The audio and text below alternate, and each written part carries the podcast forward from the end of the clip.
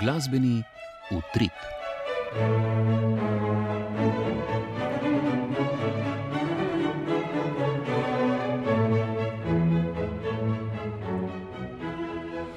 Spoštovani poslušalke in poslušalci, pozdravljeni. Tokrat izpostavljamo dva dogodka, na dose uspešno petkovo izvedbo predstave Svadba in posvetitev pomladi v Slovenskem narodnem gledališču Maribor ter četrtkov sedmi koncert letošnje sezone cikla Chromatika, na katerem je v Galusove dvorani Cankarevega doma simfoniki RTV Slovenija nastopil čembalist Žan Rondo. V nadaljevanju bomo predstavili še gostovanje Beneškega baročnega orkestra in violinistke Šušan Siranosjan, ki sta v sklopu projekta Tartini 330 nastopila v piranskem gledališču Tartini, koncert Tartini in Tarsija, ki sta ga v okviru cikla Symphonic Voices v Kopru izvedla zbor in orkester Kamerata Akademika pod vodstvom Slavena Kolenoviča, ter koncert Simfoničnega orkestra Akademije za glasbo v Ljubljani.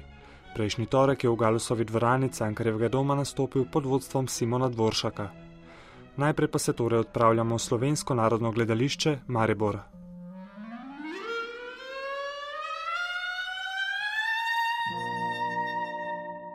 V fokusu. Prejšnji petek je SNG Maribor s predstavo Svadbe in posvetitev pomladi navdušil domače občinstvo, ki je umetnike nagradilo stoječimi ovacijami. Po 30 letih uspešnega delovanja na slovenski baletni sceni in številnih mednarodnih uspehih, koreograf in umetniški vodja Mariborskega baleta Edvard Kluk znova dokazuje, da je v vrhunski ustvarjalni kondiciji. Svojo značilno, zelo zgovorno gibalno govorico in izbiro močnih simbolnih vsebin, ki izvirajo iz ruske folklore, je občinstvu ponudil čustveno prepričljivo in vsebinsko pomenljivo baletno predstavo.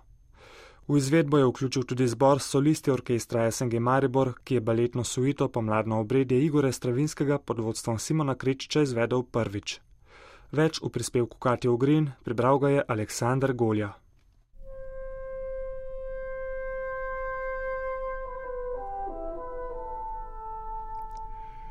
Balet posvetitev pomladi oziroma pomladno obredje, s katerim se je kljub poklonil koreografu Vaclavu Nižinskemu, je po desetih letih izkušenj in dozorevanja ponovno osupnil svojo brutalnostjo in neposrednostjo. Telesa plesalcev, razgaljena v vsej svoji prvinskosti, so dihala v ritmu zapletene ritmične scheme, ki jo je narekovala glasba in brez kančka poetičnosti poustvarila poganski ritual žrtvovanja device. Gre za motiv iz legende predkrščanske Rusije o človeškem žrtvovanju v poklon pomladnemu božanstvu, da bi se povečala rodovitnost zemlje. Navdih za glasbeno delo je skladatelj Igor Stravinski dobil, ko je zaključeval balet Ognjeni ptiči in svojo vizijo dekleta, ki v poganskem ritualu pleše do smrti, zaupal Nikolasu Rojrihu. Scenografu in kostumografu ruskega baleta, enega najvplivnejših baletnih ansamblov 20. stoletja, ki ga je ustanovil umetnostni kritik in baletni impresari Sergej Djagilev. Ob njegovi podpori in po uspehu baletov Petruška in Ognjeni ptič je Stravinski ustvaril pomladno obredje, ki je pravzaprav njuna logična posledica. Z njim pa je ostal zvest tudi svoji dediščini, saj je snov prav tako črpal iz slovanske folklore. Djagilov je koreografijo za balet, premjero je doživel leta 1913 v Parizu, zaupal Nižinskemu, ki je svojim delom doprinesel k burnemu odzivu občinstva in kritikov, se so predstavo preimenovali v Pomladni masakr. Glasbo so označili za navaden hrup, ples pa za grdo parodijo klasičnega baleta. Kluk svojo koreografijo doživlja kot poklon nižinskemu in njegovemu razupitemu neuspehu ob pariški premjeri, saj prav ta izvirna koreografija danes velja za prelomnico v zgodovini plesne umetnosti, saj od prve postavitve do danes lahko prav skozi njo spremljamo evolucijo plesa v 20. stoletju. In če je Rojrih v praizvedbi plesalcev oblekel v indijanske kostume, so v klubovi različici v kostumografiji Leja Kulaša pred nami razgaljena telesa plesalcev, ki na ta način pomembno so ustvarjajo končni učinek prvinskosti in same brutalnosti motiva žrtvovanja. Prav ta neposrednost in goli prikaz tega krutega in v svojem bistvu izprijenega rituala je najbolj glasen in hkrati najbolj impresiven element klugove koreografije, ki sicer izhaja iz koreografskih stvaritev Morisa Bežarja in Pine Bauš, ki sta v zgodovini postavitev baleta pomladno obredje uvedla novo narečje gibalnega jezika in z njim vplivala na nadaljne postavitve. Kot pove Kluk, po teh uh, ključnih momentih ne, v, v zgodovini plesa sem želel v 21. Eh, stoletju nekako najti nov način uh, interpretacije in uh, mislim, da z elementom vode nam je to uh, tudi uspelo. Smo dodali sami postavitvi eno uh, dodatno dimenzijo. Uh, predstava je postala ravno zaradi tega uh, prepoznavna, prepoznavna in drugačna zaradi, zaradi uh, uh, ostalih uh, interpretacij, in uh, je zelo popularna postala v, v, v zadnjih desetih letih. Element vode, še pojasni kluk, se je ponujal sam, saj gre vendarle za pomladni ritual, v katerem voda predstavlja ne samo očiščevanje zime, temveč tudi čaščenje pomladi in zemlje.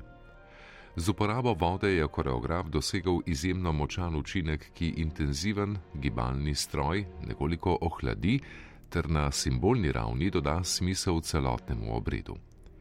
Ikonografija starodavne ruske legende v mariborski izvedbi baleta posvetitev pomladi ostaja zgolj v sledeh kot redukcija etnografskih simbolov v dolgih pletenih kitah in rdečih ličnicah deklet ter moških brat, ki sta spolna simbola moškega in ženske.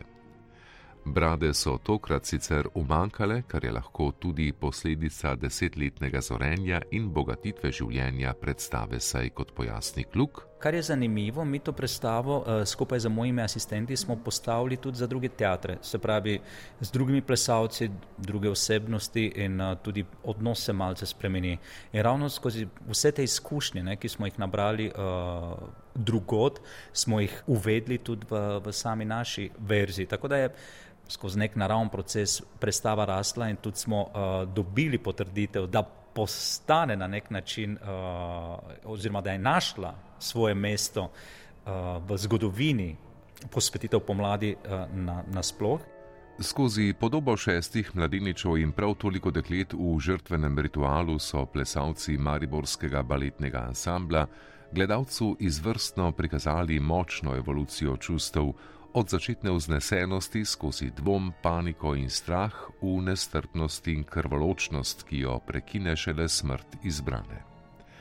V tej vlogi je bila Evgenija Koškina, kljub mestoma pomankljivi podpori soplesalcev, izjemno prepričljiva.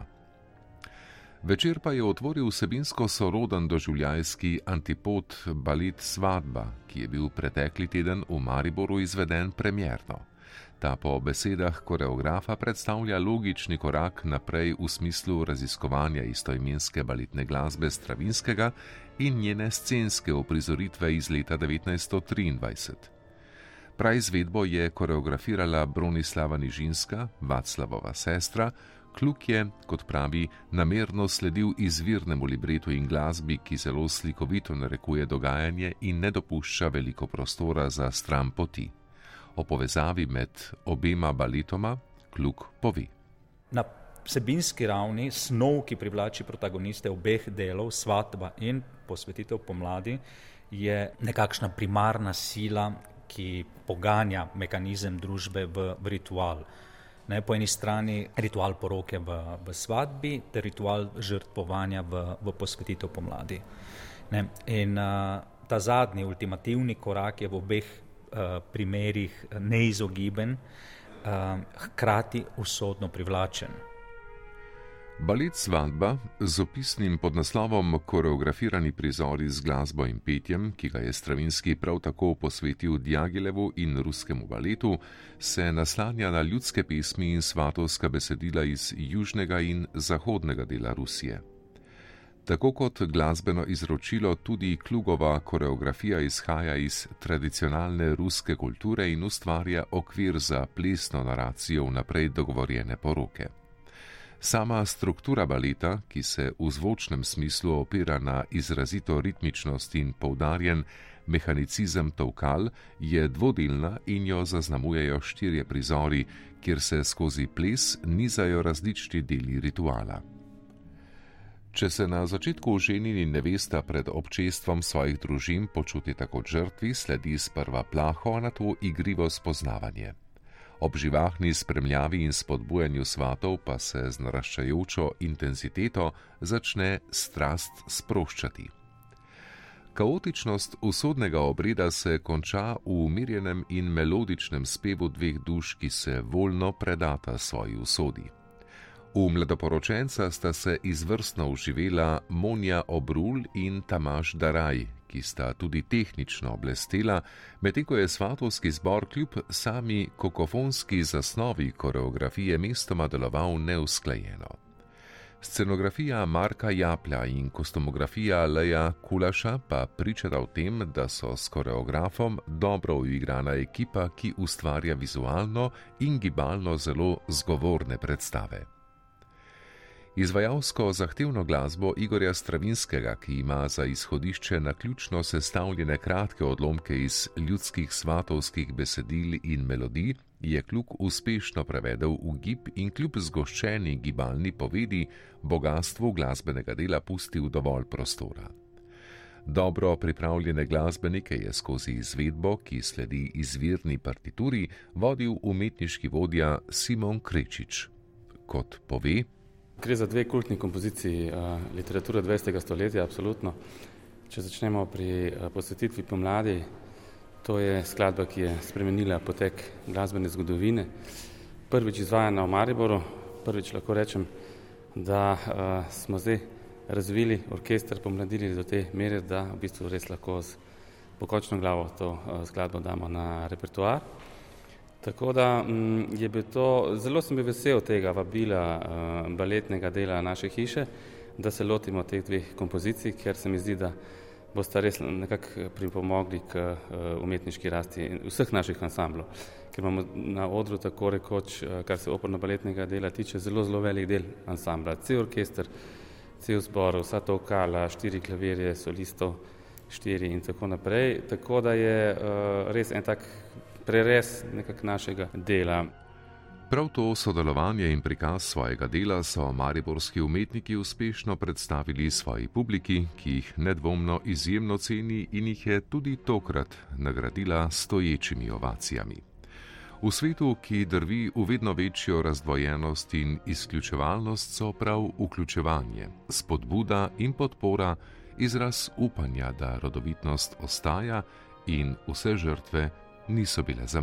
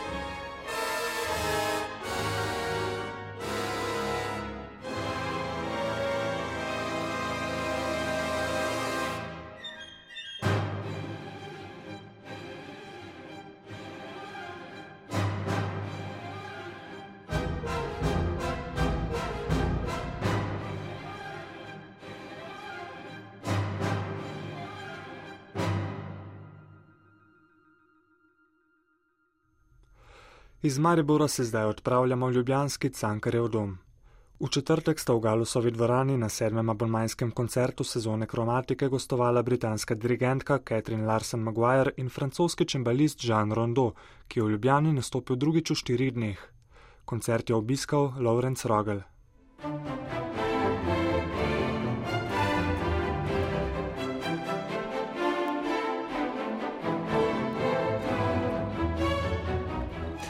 Običajno se vse začne s poredom.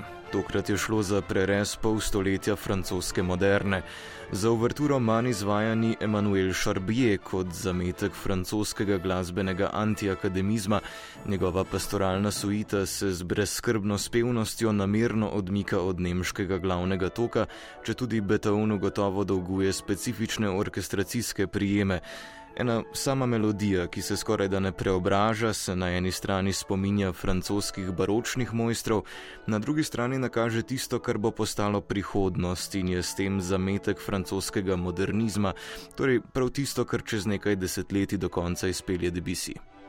Vmes Pulenk, enfant terrible, distanciranje, ki za svoje merilo na mesto naroda ali ozemlja vzame kar čas, ki želi in uspe zveneti sodobno skozi namirni anahronizem.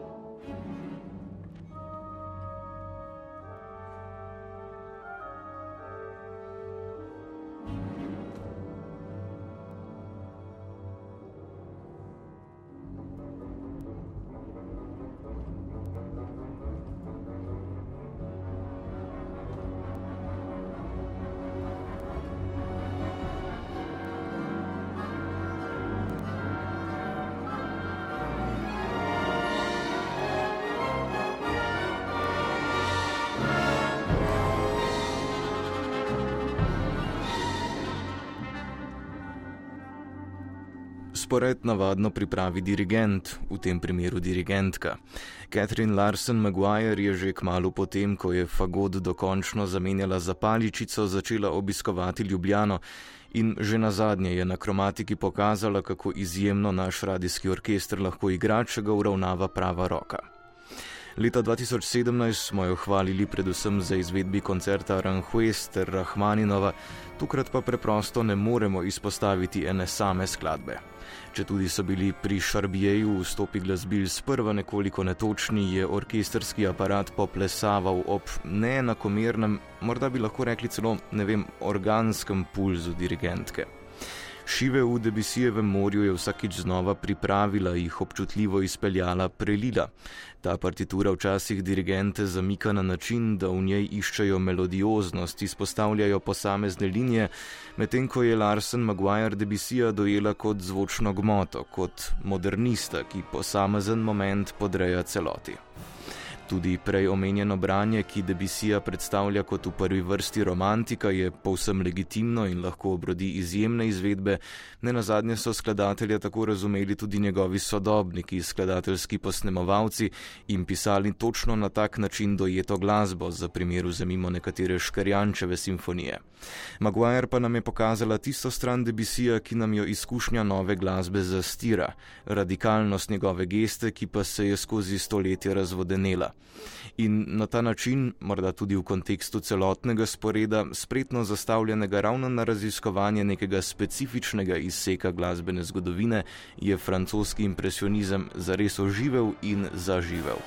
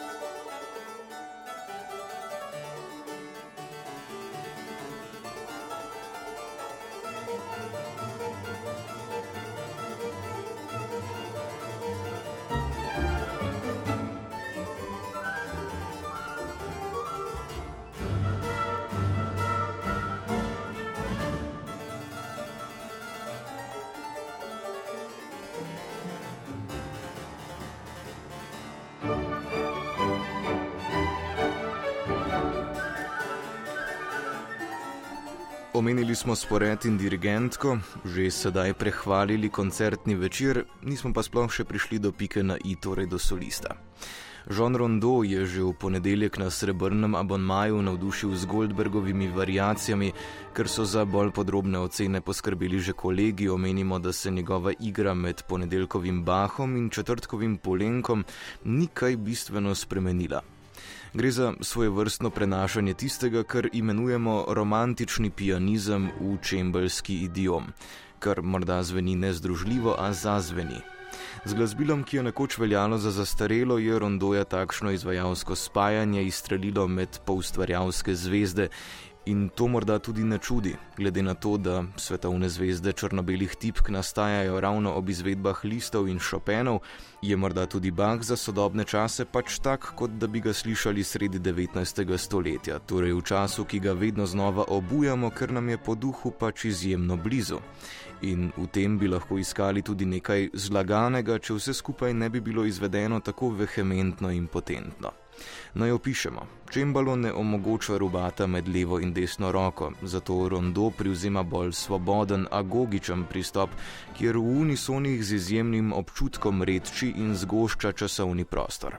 Hkrati pušča prste na tipkah in dobi tisto malega odzvena v narekovajih pedala, kar ga čembalo pač dopušča, to pa kontrastira s takati, včasih ob ponovitvi iste fraze prvo izvede bolj položeno in zadržano, v drugo pa poskoči in se reživi. Ravno v teh kontrastih Čembalo razkaže svoj barvni potencial, Tukaj sta se z dirigentko povsem ujela. Rondo je v polenku, sploh v formalnih prehodih, našel dovolj prostora za svoje izvajanja, medtem ko sta v skupni igri našla tisto redko slišano skupno idejo, kjer solist igra z orkestrom in orkester za solista, kjer se solist v izvedbi vsekakor prilagaja, a skozi prilagoditev ne okrne svoje lastne zamisli, se najde v drugem ko se vse sestavi, ko se koncerte priredi z idejo in se jih odigra s strastjo, ki se zna oziroma se ima možnost prevesti v izvedbo, tudi abonmajski koncerti dobijo smisel, ki je onkraj tistega rutinskega, kjer glede na siceršnjo normo malce pohvalimo ali nekoliko grajamo. Po nekaj sezonah takšnih večerov lahko rečemo, da je kromatika v četrtek znova zares navdušila.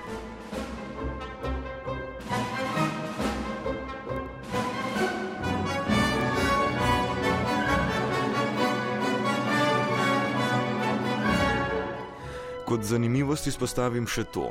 Po odmoru je Rondo s svojimi kompanjoni, ki ga spremljajo na turnaji, prišel na prvi balkon in z zanimanjem so poslušali še Debisija.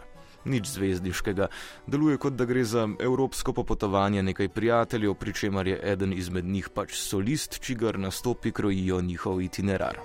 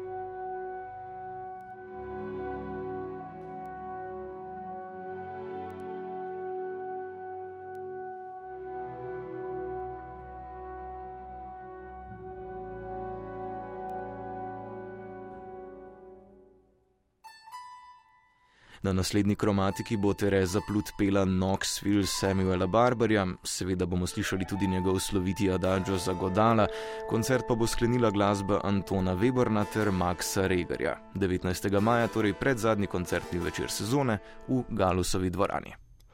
Zdaj pa skok na slovensko obalo. V petek 8. aprila na dan rojstva velikega skladatelja in violinskega virtuoza Giuseppa Tartinija so v Piranu v okviru projekta Tartini 330 z vrhunskim koncertom praznovali pomembno obletnico tega najslavnejšega pirančana. V gledališču Tartini je nastopil sloviti beneški baročni orkester z izjemno solistko Šušan Sirenosjan, ki je na presenečenje organizatorjev in občinstva koncert odigrala na Tartinijevi violini. Več Lea Hedžet.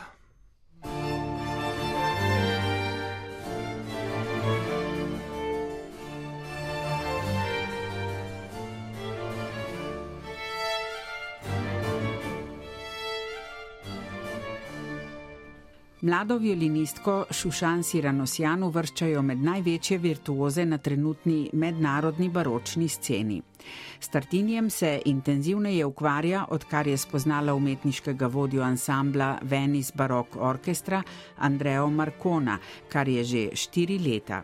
Pred dvema letoma je z ansamblom posnela tudi ploščo Tartinjevih koncertov, za katero je prejela prestižno nagrado International Classical Music Awards.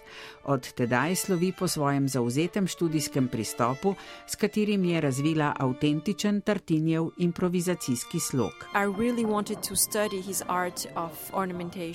Res sem si želela študirati njegovo umetnost okraševanja, ker je zelo posebna in vedno improvizirana. Žal pa se je danes v moderni violinistični šoli umetnost improviziranja nekoliko izgubila. Tartini ima sploh poseben stil okraševanja, ki ga ne moreš usporejati z Vivaldijevim ali Lokatelijevim.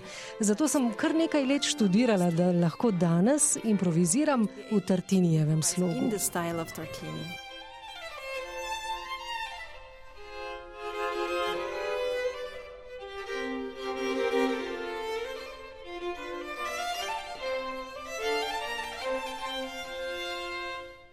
Šušan Siranosjan izvaja Tartinjev improvizacijski slog okraševanja z neverjetno lahkotnostjo in sproščenostjo, zato so njene interpretacije koncertov naravnost poetične. Ko pa je na oder prišla Startinjevo violino, je njena igra vzbujala občutke blaženosti. Well, when I saw his violin, it was something very special. It was fascinating, you know, to see this violin in this dark room. Ko sem zagledala to violino v tisti temni sobi, mi je bilo fascinantno ob misli, da je bila nekoč v Tartinjevih rokah. In seveda mi je najprej prišlo na misel, da bi si želela preizkusiti njen zvok, saj ima običajno instrument tudi vpliv na skladatelja ali pa mu vsaj nudi navdih. Zato sem vprašala, ali bi lahko zvečer igrala na njo na koncertu. Seveda se zdi noro, saj običajno rabimo nekaj tednov ali mesecev, da se navadimo na nov instrument. A tokrat sem morala tvegati, da sem lahko z občinstvom delila Tartinijevo glasbo na njegovi violini. To mi je veliko pomenilo. To share the music of Tartini on the violin of Tartini, it was something very special for me.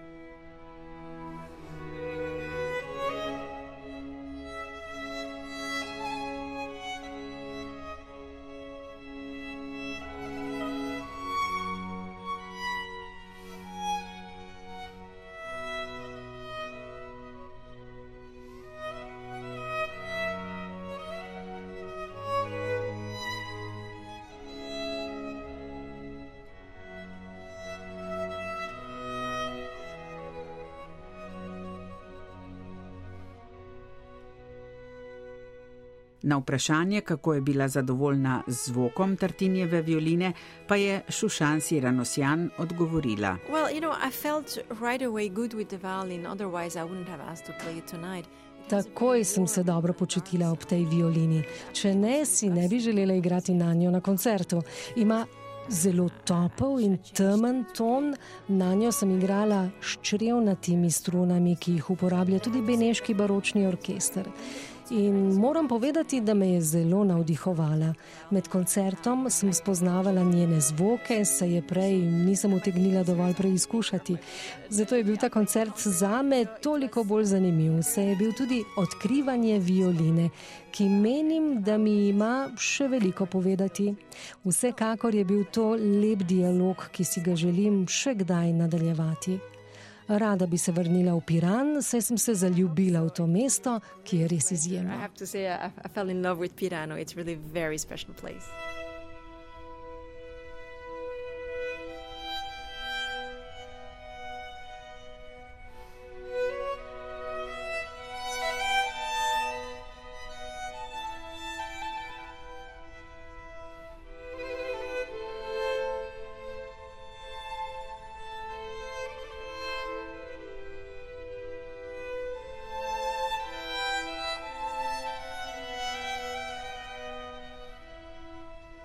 Violinistka je imela vse skozi izvrstno podporo v orkestru, zlasti v prvem violinistu Giampieru Zanoku. Lei è una violinista incredibile, ma al di là di quello poi Šušan je neverjetna violinistka, obenem pa tudi čudovita oseba, zato tudi naši medčloveški odnosi prispevajo k skupnemu ustvarjanju glasbe na najvišjem nivoju. a livelli molto alti. Venice Baroque Orchestra, ki že desetletja slovi po avtentičnih izvedbah baročne glasbe, je tokrat v spored uvrstil tudi do nedavnega neznan koncert v Gemolu, odkritje muzikologinje Margerite Kanale.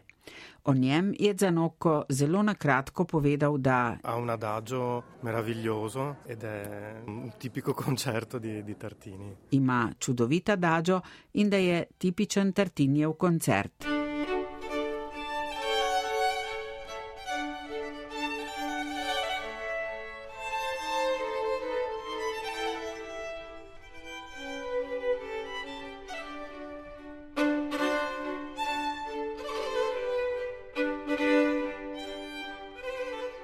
Poleg tega so člani Beneškega baročnega orkestra solistko izvedli še koncerta v E-molu in Aduru ter brez nje simfonijo in sonato a quattro v D-duru.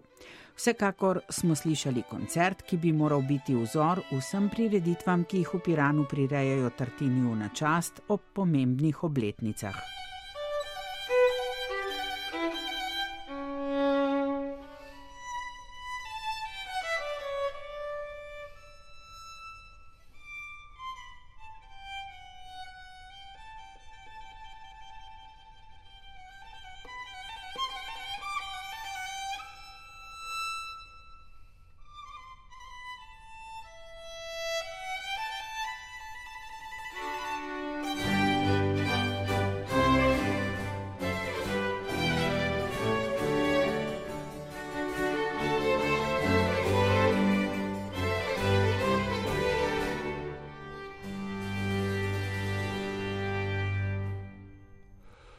Tednu, ko smo zaznamovali pomembne obletnice naših skladateljev, se je Giuseppu Tartiniju in Antoniju Tarsi poklonil tudi Akademski pevski zbor Univerze na Primorskem.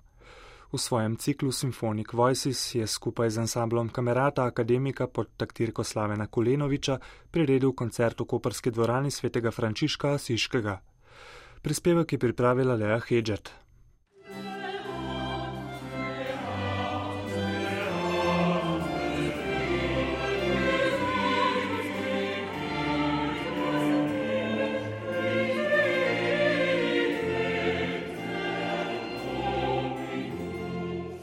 Akademski pevski zbor Univerze na Primorskem poleg svoje pevske dejavnosti že vrsto let goji tudi skrb za pestrejše koncertno življenje v Kopru, kjer velik delež vokalne glasbe zazveni na koncertih iz cikla Symphonic Voices. Njegov umetniški vodja Ambrož Čopi si je ob proslavljanju 330. obletnice rojstva našega piranskega rojaka Giuseppeja Tartinija in 300. obletnice smrti koperskega baročnega skladatelja Antonija Tarsije zamislil spored, v katerem je združil oba avtorja. V želji po obujanju arhivskega gradiva iz koperske stolnice, kjer je bil Tarsija skoraj vse svoje življenje stolni organist, je Čopi ustanovil društvo Tarsija Consort, v okviru katerega v zadnjih letih deluje tudi projektni orkester Kamerata Akademika. Sestavljajo ga nekdani učenci glasbene šole in umetniške gimnazije Koper, ki so svojo študijsko pot nadaljevali v tujini, kjer nekateri od njih danes tudi že delajo. A se tudi zaradi skupnega muziciranja z nekdanjimi vrstniki radi občasno vračajo domov. Tokrat so se zbrali na pragu velikonočnih počitnic ter pod vodstvom Slavena Kulenoviča oblikovali zanimiv in tehten, predvsem pa redko slišan program. Uvedle so ga tri vokalne skladbe, sklenila pa dva Tartinjeva koncerta. V vokalno-instrumentalnem delu Antonija Tarsije Beatus Vir Quitimet so se kot izvrstni solisti iz zbora predstavili Manca Kosi, Sara Ognjanovič, Kevin King in Lenart Ulaga. V skladbi De Profundis Tenebrarum za alt solo, godalni orkester in basso continuo pa Brina Vukovič.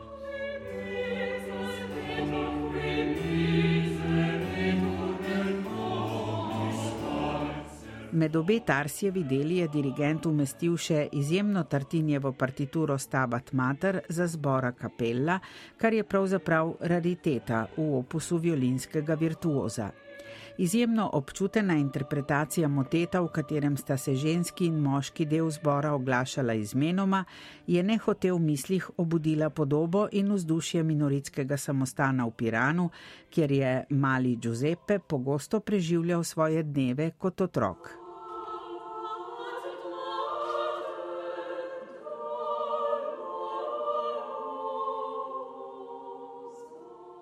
Za dirigenta Slavena Kulenoviča, ki je svojo kariero začel graditi kot pianist, a se zdaj vse bolj uveljavlja kot orkesterski dirigent, je bilo to Tartinjevo delo nekaj posebnega.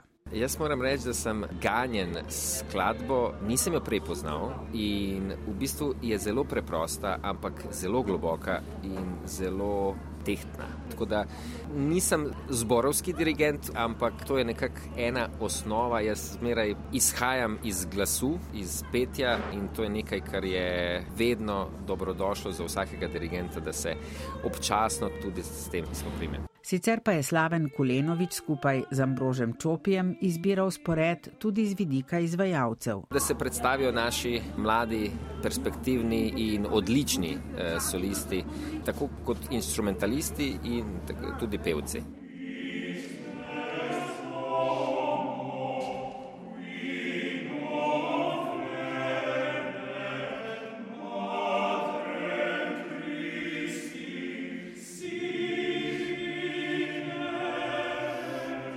Kot instrumentalni solistki sta se tokrat v Tartinjevih koncertih predstavili flautistka Nina Rupnik in klarinetistka Samanta Škorja. Kot solo violinistka pa je v Tartinjevih partiturah zaigrala Nika Toškan. Nina Rupnik je prvič izvedla Tartinijev koncert za flauto v Geduru G239. Mislim, da sem na srednji šoli igrala Tartinija za flauto v Geduru in ni bil ta isti, ker eh, ta je bil, mislim, da je originalno napisan za violino, tako da ga odprej nisem poznala in je bil kar izzivno. Zdaj vse na novo se naučiti, sploh nisem vedela, v kaj se spuščam v bistvu, no, ampak eh, je res lep koncert. No. In kako je igrati s tem orkestrom? Ki je pravzaprav sestavljen iz vaših vrstnikov. Um, super. Se čuti ta podpora, no, da se tudi že odprej poznamo, smo približno iste generacije in uh, ta energija res naredi nekaj posebnega. No, je dosti, dosti lažje igrati kot z nekom, ki ga ne poznaš. Pa, tako, res, res super. No. Dirigent pa tudi. Itak.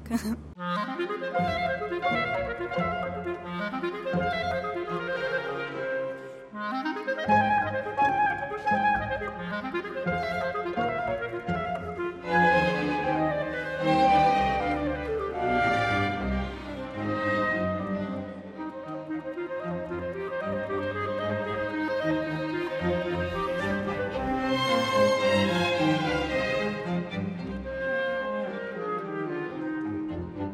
To pa je Tartinjeva glasba v priredbi Gordona Jacoba, ki je iz Tartinjevih tem zložil končertino za klarinet in orkester. V njem se je kot solistka predstavila mlada, a izvrstna klarinetistka Samanta Škorja, ki trenutno končuje podiplomski študij na Akademiji za glasbo v Ljubljani. Predtem je opravila magisterski študij v Ženevi, kjer se je uveljavila tudi kot članica nekaterih švicarskih orkestrov, pa tudi mladinskega orkestra Gustav Mahler in kamer Simfonij Wien. Nedavno je navdušila na sklepnem koncertu državnega tekmovanja mladih glasbenikov Slovenije Temsik, na katerem je za svoje interpretacije v najvišji starostni, tretji B kategoriji, prejela polnih 100 točk in še dve posebni priznanji. O Tartinjevem oziroma Jacobovem koncertinu pa je po koncertu v Kopru povedala. Ja, jaz bi rekla, da je tako malo tudi zahtevno, ker um, je precej okrasko oziroma sami se najdemo kakšne okraske tako za narediti. Drugače pa meni zelo leži, ker je spevno, še posebej počasni deli. Uh, imamo občutek, da sploh ni to inštrument, ampak kot da bi bil glas, kot da bi govoril. No. In mi leži v bistvu. No, Ko sem prvič slišala posnetek, sem bila očarana in sem rekla, da to je super, jaz bi rada to tako igrala in uh, sem full vesela, da sem imela priložnost. No. Počasi se končuje tvoja študijska pot v Sloveniji, kam pa zdaj? No, ja, čez, čez dva meseca v bistvu končam še magisterij v Ljubljani. Predtem sem enega v tujini že končala, tako da sem se že um, malo razgledala po drugih državah. Rada bi še naprej igrala. Kaj me še čaka, ne vem. Kot se pokaže priložnosti, sprejmem, izkoristim. Tako da jaz se vidim v igranju, kaj pa me čaka, pa še ne vem.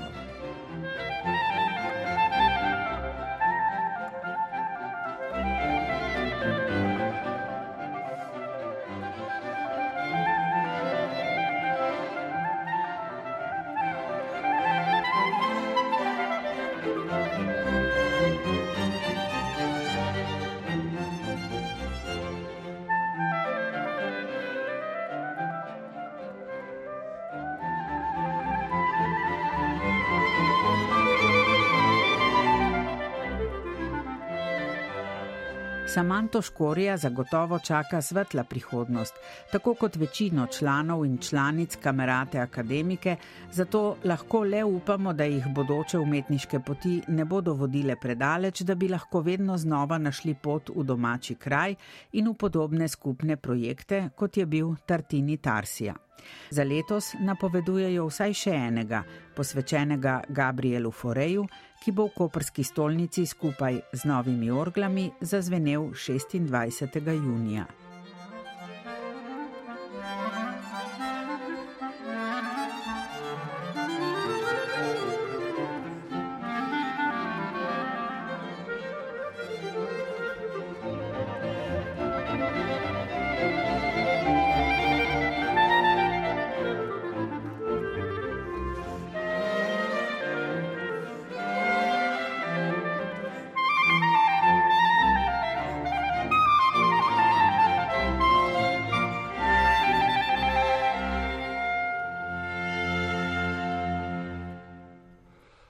Prejšnji torek je v Galusovi dvorani Cankarevega doma potekal eden glavnih koncertov Akademije za glasbo, ki se sicer ponaša z bogato koncertno dejavnostjo.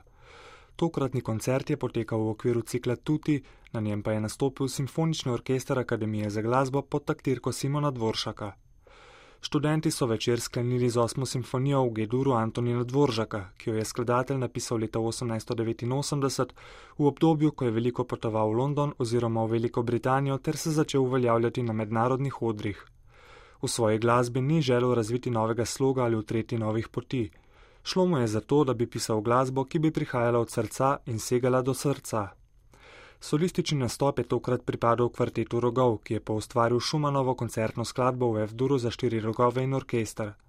Kot solisti so nastopili Jože Rošer, Blaž Ogrič, Gašpar Okoren in Petr Kšenek, ki so prav to skladbo izvedli že marca v okviru Abanmaja Kromatika, tokrat pa so torej nastopili še s simfoničnim orkestrom Akademije za glasbo. Delo predstavlja mejnik za vsakega hornista, kajti v njem je Šuman dobro izkoristil za tisti čas nov instrument, francoski rok z ventili, študenti pa so ga po besedah urednice neposrednega prenosa koncerta Vesne Vovk odlično poustvarili, odločno, povedno in z le nekaj drobnimi spodrsljaji. Še pred njihovim nastopom je koncert uvedla slavnostna uvertura Dominika Jakšiča, novo delo tega skladatelja mlajše generacije, študenta Janja Goloba. Jakšič je delo komponiral med letenjem v majhnem vedralnem letalu nad Koroško. Kot pravi sam, mu letenje ponuja svobodo, ki se lahko v hipu spremeni v svoje nasprotje. A prav ta kontrast daje življenju smisel, zato je slavnostna uvertura poklon materi naravi, lepotam domovine in staršem. Poslušajmo odlomek.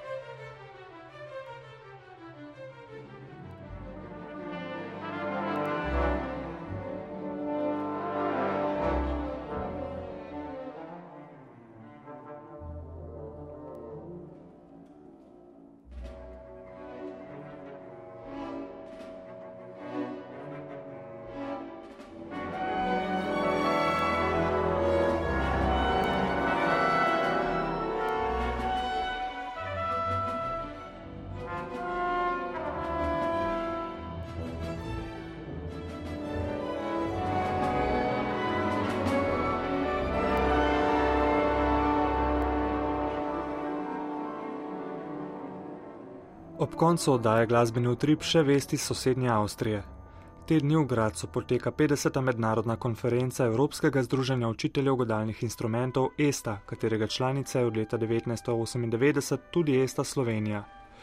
ESTA je nevladna organizacija, ki jo je leta 1972 ustanovila majhna skupina uglednih učiteljev godalnih instrumentov, v kateri so bili Marijane Kremer, Max Rostal in Jehudi Menjuhin z namenom spodbujanja najvišjih standardov v poučevanju in omogočanja izmenjave idej med učitelji godalnih instrumentov in izvajalci po vsej Evropi.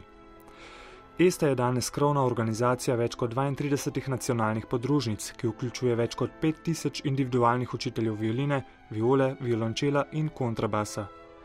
Njeni glavni cilji so spodbujati najviše umetniške in pedagoške standarde pri poučevanju godal, podpirati vse življensko učenje godalnih instrumentov, spodbujati študij in raziskovanje vseh faz poučevanja godal, zagotoviti forum za razpravo in širjenje idej prek konferenc, delavnic, tiskanega gradiva ter podpirati sodelovanje med svojimi člani in drugimi organizacijami. Dejavnosti v podporo tem ciljem potekajo redno vse leto na delavnicah in konferencah v nacionalnih društvih.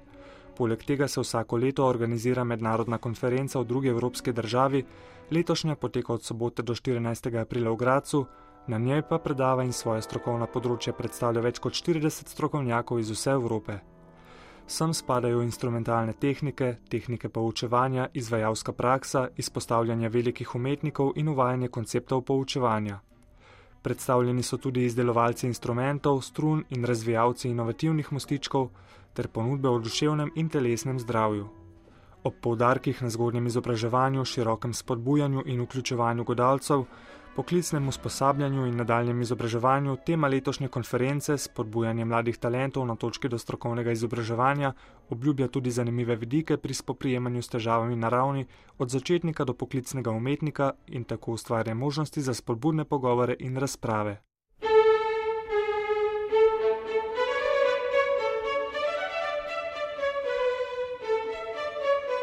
Spoštovane poslušalke, cenjeni poslušalci, oddaja glasbeni utrip, ki jo lahko znova poslušate na Arsovi spletni strani ali portalu RTV 365, je tako končana. Prispevke so pripravili sodelavci uredništva za resno glasbo: Katja Ogrin, Lawrence Rogel, Lea Hedžet in Vesna Vovk. Oddajo je posnel tonski mojster Vojko Kokort, vodil in uredil pa sem jo Mihajl Kozjak. Želim vam mirne, notranjega miru in veselja polne prihajajoče velikonočne praznike. V svojo družbo vas bomo znova povabili prihodnjo sredo, do takrat pa srečno.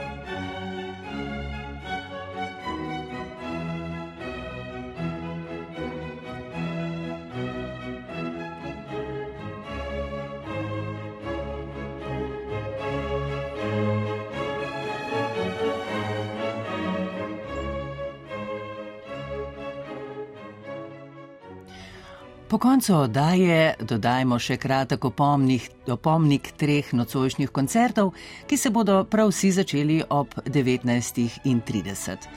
V Galusovi dvorani Cankarevega doma bo na sporedu četrti koncert cikla sodobne orkesterske skladbe.